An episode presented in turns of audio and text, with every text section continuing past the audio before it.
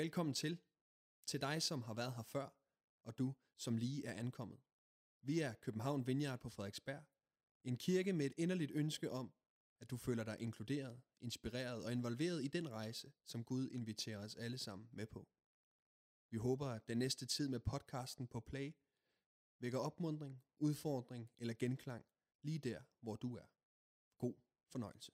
Jeg øh, hedder Flemming, og øh, jeg glæder mig til i aften her og skal tale om, hvordan, om drømme, hvordan vi kan række ud efter Guds drømme for København og for Danmark.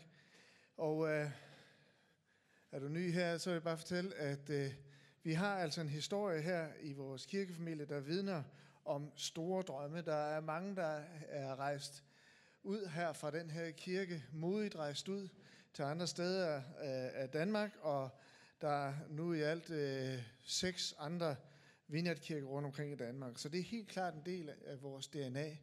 Men samtidig så vil jeg blive også nødt til at sætte ord på, at den her pandemi, vi har været igennem, har udfordret, den er kommet øh, os, og den er kommet på tværs af vores drømme rundt om i kirkerne. Øh, og derfor tænkte jeg, det her, det skulle vi, øh, det skal vi se lidt på. Under pandemien, så har vi jo alle sammen haft mulighed for at reflektere over, hvordan, hvordan skal vores liv se ud? Hvad er det for liv, vi lever? For nogen så er det blevet til en, øh, øh, ja, det er måske for dig med en coronahund, eller et, øh, der er nogen øh, sk- coronaskærmforbrug, øh, corona-jobskifte, corona-sommerhus, for dem, der har råd til det. Og måske så øh, har du tænkt, hvad er det for et liv, jeg egentlig drømmer om? Ikke alle, men nogle af vores drømme, det har med os selv, det har med vores nærmeste at gøre. Det handler om, efter den her pandemi, at vende tilbage til hverdagen, øh, faste arbejdstider, hverdagsrutiner, øh, for forældre, forældreintra, tryghed, det velkendte og det nære. Kort sagt, alt det, der ikke skræmmer os, fordi det er der bare så meget andet, der gør. Og følger vi med i medierne lige for tiden også, og det gør vi jo, så er der meget, der kan skræmme os.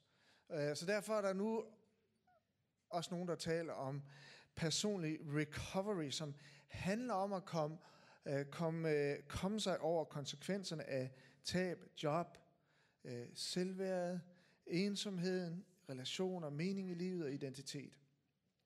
Så helt naturligt så har pandemien afført en længsel efter business as usual. Mere end det har været en modig afføringsrampe for nye drømme og for mod til at turde gøre tingene anderledes. Og jeg synes, at øh, hvor end vi vender vores blik hen, så lokkes vi til at søge det lette liv på en eller anden måde. Og for mange er det lette liv, det er, no, som nogen kalder for easy street, det er blevet deres primære øh, ambition. Men jeg tror, easy street er dead end for drømmene. Livets formål, det handler ikke kun om at undgå det svære.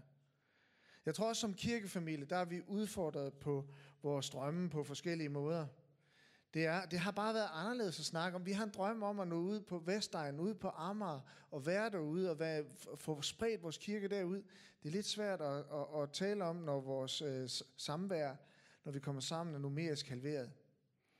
For eksempel. Jeg tror, at øh, pandemien har ikke kun udfordret vores visioner, men også vores valg og vaner. Og jeg tror på, at vi kan hjælpe hinanden på en omsorgsfuld måde til at finde, med at finde de gode vaner frem. Finde fornyet overskud til at åbne vores kirke op, vores hjerte op og vores hjem for mennesker omkring os på studiestederne, arbejdspladsen, i opgangen og i netto. Og så tror jeg, at vi som kirkefamilie bliver nødt til at face, face a brutal fact, som Jim Collins siger i Good to Great. Øh, vi og mange andre kirkefamilier, at der er virkelig kirker, der har kæmpet i den her tid, og nogen bukker endda under. Og det er muligt, at vi har mistet øh, noget af vores kraft, men vi har ikke mistet vores potentiale.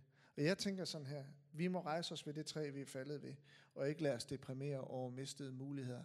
Og vi må se fremad. Det er en styrke at kunne se fremad. Jesus sagde selv, ingen der lægger sin hånd på ploven og ser sig tilbage, er egnet for Guds rige. Så vores blik, det må være fast rettet mod fremtiden, mod det, der spiger, det, der bærer frugt. Og det at læne sig tilbage som en kirkefamilie her før vi kan drømme stort og række ud til mennesker, det er bare ikke en mulighed.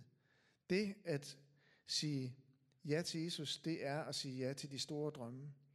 Det er netop det, at vi er sendt ud til andre mennesker, øh, som definerer, hvem vi er. Kirken definerer ikke missionen, men missionen definerer kirken. Så vi er altså til som kirke, fordi vi tror og sammen er sendt i hans fodspor. Så det med at være sendt ud til andre mennesker, det er ikke bare noget, vi gør, det er noget, vi er. Så vores fremtid som kirkefamilie, som København Vineyard, det ligger uden for øh, de her fire vægge. Så vi eksisterer ikke uden for drømmene om et forvandlet København og Danmark. Det er ikke en mulighed ikke at have ambitiøse drømme her i vores kirkefamilie. Drømmene, det er vores væretrækning øh, som Kristi læme, og uden den væretrækning, uden at hele kroppen ilte, så ender vi med at få koldbrand. Uden syner er et folk ladt i, ladt i stikken, står der i Bibelen. Selv det nyfødte barn, et helt nyfødt barn, kan drømme. Og øh, min kones hund, øh, Joey, som øh, ligger på, som nummer 57 på øh, ranglisten over intelligente hunde, højst, højst kun to hjerneceller. Ikke? Altså, man serverer et stykke brød eller spejpølse, så står og glor på det, og så går den ud og spiser tre granitsten og tykker sand. Øh, selv den hund, den drømmer. Øh, den drømmer, den løber over marken og leger med sin bedste ven Walter. Vi har bare brug for at drømme. Og vi vil drømme i København Vineyard. Så hvordan kan vi række ud efter fremtiden? Hvordan kan vi række ud efter Guds drømme for København og for Danmark? Jeg vil bare sige, hvis du er her eller tænker at være med, så er du inviteret ind til en drøm, der er langt større end os selv. Det er i vores DNA. Og det gør det sindssygt spændende. Så hvordan giver vi Guds drømme plads til at udfolde sig? Og lad mig slå fast med det samme. Forvent ikke, at drømmene udfylder sig, øh, udfolder sig på easy street, men over tid. Øh, teologen Eugene Peterson, han udtrykker det sådan, at drømmene handler om a long obedience in the same direction. Og drømmen har i den grad med vores valg og vores vaner at gøre, og det udfoldes venstre fod, højre fod, venstre fod, højre fod. Venstre fod, højre fod igennem livet. Og der er jeg blevet grebet af en fantastisk historie, som handler om, hvordan det her med valg, vaner og drømme, det spiller sammen i vores liv. Den kommer her. I Caesarea var der en mand ved navn Cornelius, som var officer i en militærafdeling, der hed den italienske. Han var from og gudfrygtig, ligesom hele hans husstand. Han gav folket mange almisser og bad bestandigt til Gud. Her er altså noget om valg og vaner. Øh, en dag omkring ved den 9. time så han i, tydeligt i et syn Guds engel, der kom ind til ham og sagde, Cornelius. Han stirrede på englen og spurgte forfærdigt, forfærdigt, hvad er der her? Englen sagde til ham, dine bønder og dine almisser er steget op til Gud og huskes hos ham. Send nu nogle folk til Jobbe efter en mand, der hedder Simon, men tilnavnet Peter. Og så Cornelius, han sender så tre mænd afsted efter Peter. Og mens de er på vej, samtidig med det foregår, så er Peter, apostlen Peter, som bor hos gaveren Simon, han har sat sig op på taget for at bede. Den næste dag, da de var undervejs og nærmede sig byen, gik Peter ved den 6. time op på taget for at bede. Han havde også nogle vaner her. Da blev han sulten og ville have noget at spise. Mens man tilberedte det, faldt han i henrykkelse, og han så himlen åben, og noget kom ned, som lignede en stor du, der ved de fire hjørner blev sænket ned på jorden. I den var der alle slags af jordens firebenede dyr og krybdyr, og af himlens fugle. Og en røst lød til ham, rejs dig Peter, slagt og spis. Men Peter svarede, ikke tale om her, for jeg har aldrig spist noget som helst vanhelligt og urent. Og det her scenarie, det sker i alt tre gange. Og mens Peter han er fuldstændig rystet over alle de her modbydeligheder, som han bliver præsenteret for, og komplet i vildrede med sig selv, så banker det pludselig på døren nedenunder. Og med Cornelius' tre mænd stående uden for døren nedenunder, mens han stadigvæk på taget, så taler Helligånden pludselig til Peter. Her er tre mænd, siger Helligånden, som spørger efter dig. Rejs dig og gå nedenunder og følg uden betænkelighed med dem, for det er mig, der har sendt dem. Peter gik derned til mændene og sagde, det er mig, I spørger efter. Hvorfor er I kommet? Og de forklarer så, at Cornelius af en engel fik bud om at lade Peter hente til sit hus for at høre, hvad han har at sige. Og så inviterer Peter dem ind, de overnatter og drager afsted næste dag sammen med nogle af Peters venner og ankommer dernæst til Cornelius hus, øh, Cornelius' stue, som var fyldt op med hans helt sikkert vildt fantastiske netværksgruppe, alle sammen hedninge. Og hedninge, det er sådan en som dig og mig, det er alle ikke-jøder, det er hedninge i Bibelen. Og Cornelius siger, da han møder Peter, jeg sendte der straks bud til dig, og du har gjort en god gerning ved at komme. Nu står vi så alle her for Guds ansigt, for at høre alt, hvad Herren har pålagt dig. Og så holder Peter et længere oplæg for Cornelius netværksgruppe om Jesus. Og mens det sker, så indtræffer en verdensrevolution. Helligånden kom over alle hedningerne, der hørte ordene. Og Peter var totalt chokeret og erfarede nu, at det her syn, han har haft, det handlede om det, der nu skete. Og det er faktisk i det øjeblik, at Helligånden kommer over Cornelius netværksgruppe, at vores kirkehistorie begynder. Det er den netværksgruppe på en eller anden måde, vi er vokset ud af.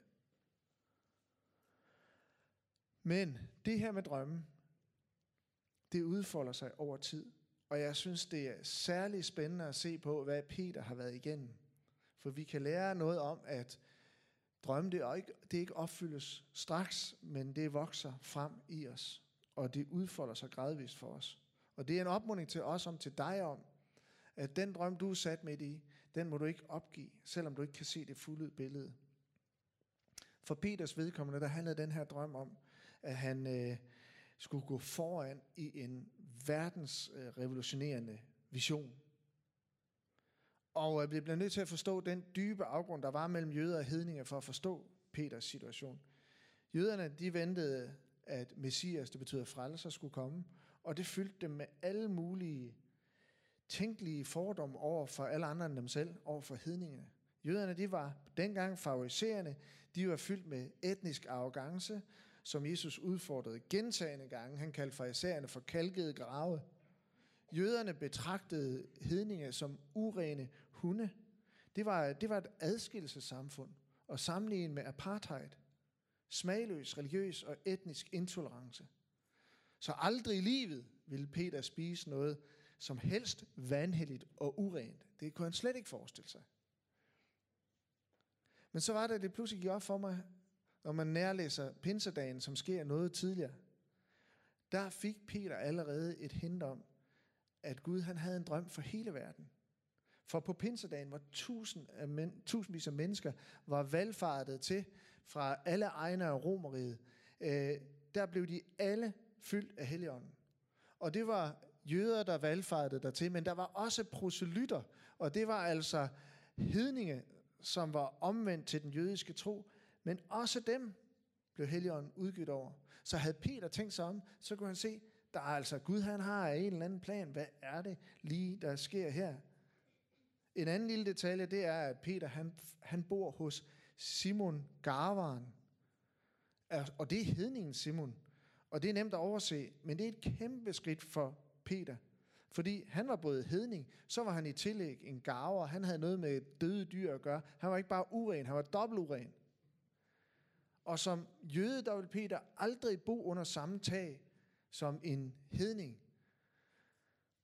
Men det viser jo bare, at Gud var i gang med en proces i Peter. En gengribende proces. Derudover så inviterede Peter jo de her tre mænd fra Cornelius, øh, som også var hedninger på kost og logi, inden de tog afsted samme dag. Der var sket et totalt skred i Peters forståelse allerede. Gud var i fuld gang med at udfolde den drøm øh, om, øh, at hedninge de skulle komme til tro. Kirkens fødsel. Og Gud var i fuld gang allerede og havde været det et stykke tid med at forandre Peters hjerte, uden at det overhovedet var gået op for ham. Og hvad kan vi så bruge det til?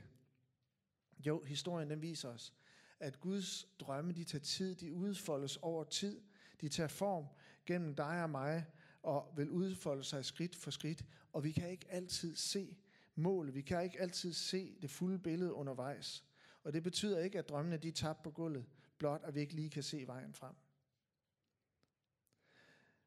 Anna og jeg, øh, vi blev gift som øh, 20-årige, hvor efter Anne hun blev gravid, og øh, at skulle være far som 21-årig, det virkede, det forekom mig som en uoverstigelig udfordring.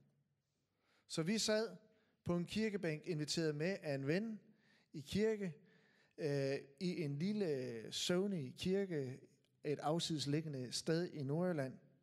Og mens jeg sad der på bænken og var helt vildt nervøs over, hvordan livet nu skulle se ud, så fik jeg et syn for mit indre. Jeg så Jesus stå foran mig, og bag ham kom en lille dreng til syne. William kom han til at hedde. Og det syn, det vendte op og ned på alt i mig, og jeg forstod pludselig, at vi havde en kæmpe gave i vente. Guds drømme, de udfolder sig over tid. Jeg så ikke det fulde billede, men Gud var i gang med at forme mit umodne hjerte. Senere samme aften, så sad vi til kirkekaffe efter den der aftengudstjeneste hos organisten i et øh, lavloftet baptisthjem og spiste kaffe og kringle med 15 pensionister og en evangelist. Og som vi sad der, og jeg var sådan, jeg, altså, det er bare voldsomt nogle gange at komme ind. Det kan også være, du er her i aften, synes det er bare voldsomt at komme ind i sådan en kirke her. Og sådan oplevede jeg det. For, og pludselig den aften, så tog mødet der, kaffemødet, det tog en voldsom karismatisk drejning, hvor alle de blev bare bedt for tur efter tur, pensionist, pensionist, pensionist, og så Anna og Flemming, vi kunne bare se den komme. Og som jeg husker det, så bad øh, evangelisten en hæftig tungetalende kvinde om, hold så kæft, jeg kan ikke høre, hvad jeg siger. Og da det så blev min tur med den, øh, og Annes og min tur til den her runde tvangsbøn, så, så sagde han, og man kunne ikke se på Anne var gravid, og der var ingen, der vidste andet end nogle få. Så sagde han, jeg velsigner jer og jeres kommende familie. Og jeg glemmer det aldrig. Gud havde på kirkebænken bare en time tidligere vendt min forestilling om at blive for tidlig far til en kæmpe gave. Og nu igennem et helt andet menneske blev det bare bekræftet af en intet anende evangelist. Og så fåede han, det var en mærkelig aften, så fåede han noget til, som satte en ny drøm i gang i mig. Han sagde, Flemming, han kiggede på, Flemming, du skal være lydig, sagde han. Og det vidste jeg godt, jeg ikke havde været på flere måder. Og hvis du er lydig, så skal der rende strømme af levende vand for dig til mange mennesker. Og ærligt, de næste dage, jeg var helt rundt på gulvet. Jeg var vred. Jeg vidste ikke, hvad der skete ind i mig. Og nogle få år senere, så sad vi på et kollegeværelse på et teolog, til et teologisk seminarium. Jeg havde opgivet min drøm om, min store drøm om at spille musik, og det var nok også godt det samme. Jeg havde forladt alle, øh, vi havde forladt alle vores nære venner. Øh, alt jeg vidste var, at jeg skulle være det sted og læse noget teologi, uden at vide en masse om hvorfor. Jeg har faktisk i tre år spekuleret på, om jeg skulle læse teologi, og, og jeg har ikke læst særlig meget, kun tre år, men jeg, jeg vidste ikke, hvad jeg skulle bruge teologien eller mit liv til. Jeg var bare drevet af en øh, trang. Altså hvis, altså bare muligheden for, at Gud findes, det er jo livet om at sætte, øh, altså det er jo alt om at sætte ind på og finde ud af, findes Gud? Som Emil sagde sidste søndag i sin tale, prøv det af. Hvis du er søgende, så prøv det af. Men øh, jeg kunne bare ikke finde ud af, hvad jeg skulle inden da. Og øh, jeg var så, altså det her seminarium, der var ansøgnings, ansøgningsfristen overskredet. Så det var sådan set lukket øh, i tre år, før nye kom ind. Og øh, der var en nat, hvor jeg bare råbte til Gud øh, og sagde, du må simpelthen vise, du må give mig et tegn, hvis jeg skal gøre det her, og åbne dørene. Og, jeg, og her er tegnet, sagde jeg så. Det skal se sådan her ud. At hende, vores øh, veninde Marianne, som vi har snakket tro med flere gange, hun må simpelthen bekende tro, øh, tro på Jesus, hvis jeg skal gøre det her. Tre dage siden, så, så, så sad vi på en, en øh, café på Jomfruganegade i Aalborg, hun bekendte tro på Jesus. Så der sad jeg så i Tølløse på et kollegeværelse, uden at vide, hvad skete der her. Og jeg, kan love, jeg lover dig, jeg er noget af en tøstreng. Hver, hver aften i en uge klokken 5, mellem 5 og 6, så gav jeg mig til at tude. Ja. Mm, og så efter tre år på de her studier, så vidste jeg stadigvæk ikke, hvad jeg skulle bruges til. Alle de andre studerende, der var fem andre, de var jo ude i jobs og skulle tjene Guds rige og alt muligt og spændende. Vi har lejet et midlertidigt hus i Tisted, for de vidste ikke, hvad jeg skulle lave.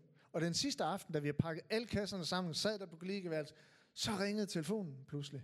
Og så var der nogle øh, bønder op for os, der sagde, Will du være woman?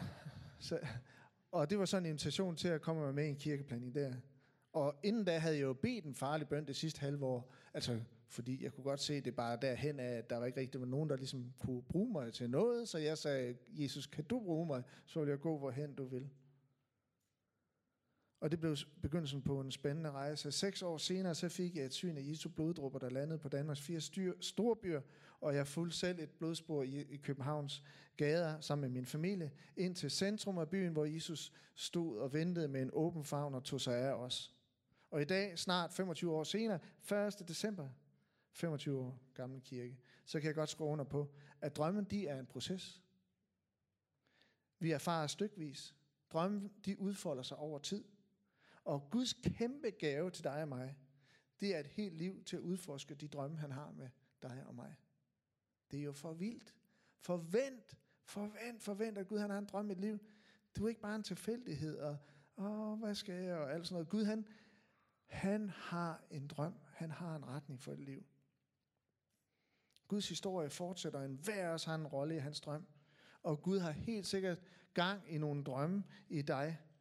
Og hvor er du så lige nu i Guds drømme med dit liv?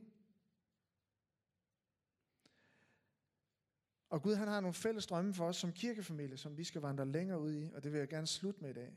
Hvordan kan vi række yderligere ud efter Guds drømme for København?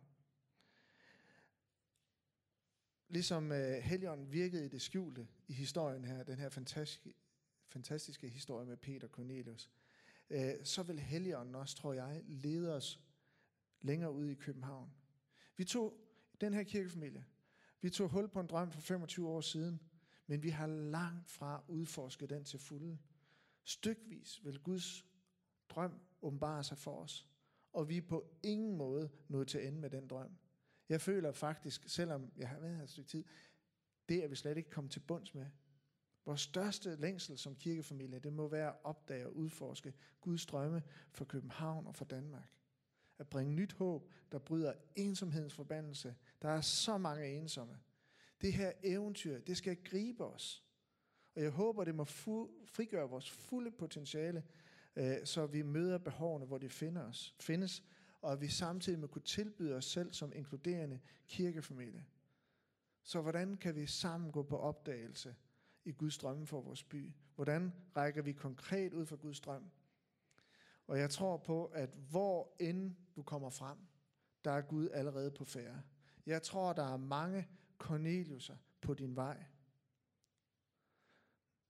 Som en af mine øh, venner og kollegaer skriver i en bog, når Jesus kommer til byen, kan det mærkes, hans tilstedeværelse sætter spor. Nye relationer mellem mennesker opstår, mennesker og miljøer bliver forandret. Guds nærvær vil ikke bare begrænse sig til kirken, men blive bemærket i byen i form af synlige forandringer. Men det begynder i kirken. Byens håb findes i byens kirke. Så ligesom Peter, ligesom Cornelius, der må vi være villige til at lade os lede af ånden. Vi må i hjertet sige ja og udleve det, vi tror på. Og vi har nogle fantastiske ting, Anne var inde på det, som foregår her i kirken. Family time. Jeg var med til noget af det sidste gang. Helt ved at give derfra varm om hjertet og tænke, jeg vil være med hver gang. Øh, det, er ikke sikkert, det kan jeg nok ikke, men det vil jeg gerne. Øh, vi har mission julegave, hvor masser af børn mærker øh, omsorg og kærlighed og forældre. Vi har plan A, som går ud på øh, forskellige... Ja, og øh, hvor, man, øh, hvor at, øh, teamet de øh, danner relationer og beder og lytter. Vi har flere projekter end det, og jeg er da stolt over de fantastiske projekter, som giver så meget mening. Og når du er med i den her kirke, så er du med i den drøm, vi sammen udlever. Men Guds drøm går endnu længere. Gud han ser den enkelte i København, og vi har alle sammen været, uanset om du er med i et projekt eller ej, så har Gud en drøm om, at du deler dit håb og din tro med de mennesker, du møder på din vej. Den enkelte. Og er det ikke stærkt? Jesus som hyrden siger, glæd jer med mig, for jeg har fundet det for, jeg har mistet. For jeg var sulten, og I gav mig noget at spise. Jeg var tørstig, og I gav mig noget at drikke. Jeg var fremmed, og I tog imod mig. Jeg var nøgen, og I gav mig tøj. Jeg var syg, og I tog jer af mig. Jeg var i fængsel, og I besøgte mig. Alt, hvad I har gjort mod, med, mod en af disse mine mindste brødre, det har I gjort mod mig, siger Jesus. Det handler om den enkelte. Og når vi, når vi når den enkelte, så bringer vi håb til hele byen. Som der lyder et sted, uden at spøjle øh, den nye Spider-Man. When you help someone, you help everyone. Så hver gang et menneske får håb for byen, så er håbet for byen også større. Brudte relationer, de læges. Tilgivelse, forsoning, genopret. Åh, oh, da Erik Hvid, han talte for nogle tid siden omkring tilgivelse her i King. Jeg tænker, Erik, super godt. Altså, det er et budskab, vi har. Det er et budskab, vi særligt har, som tager udgangspunkt i korset. Og måske bliver kirkerne det sidste sted, hvor det virkelig kommer til at lyde. Frihed fra misbrug, syge læges, svage udsætte for nyt håb, tryghed og fred i gaderne. Historien om Peter Cornelius, det er en vidunderlig historie om, at Gud kan gribe ind i de vildeste, vildeste visioner, som er både definerende og bestemmende for resten af vores liv. Så, hvordan skal Guds drøm for København kunne mærkes og ses i dine omgivelser, i din opgang, i øh, kvarteret, på skolen, arbejdspladsen, dem du endnu ikke har mødt, og som ånden vil sende dig til, Corneliuser, på din vej. Og tør du forlade Easy Street og drømme med på Guds store drømme. Tak fordi du lyttede med. Vi håber, at du går herfra med mod og nye tanker. Er du interesseret i mere fra København Vineyard, kan du finde os på Facebook, Instagram eller på vores hjemmeside. Du er altid velkommen forbi kirken på Nyvej 7 på Frederiksberg, både til gudstjeneste om søndagen eller i løbet af ugen. Guds fred og velsignelse til dig.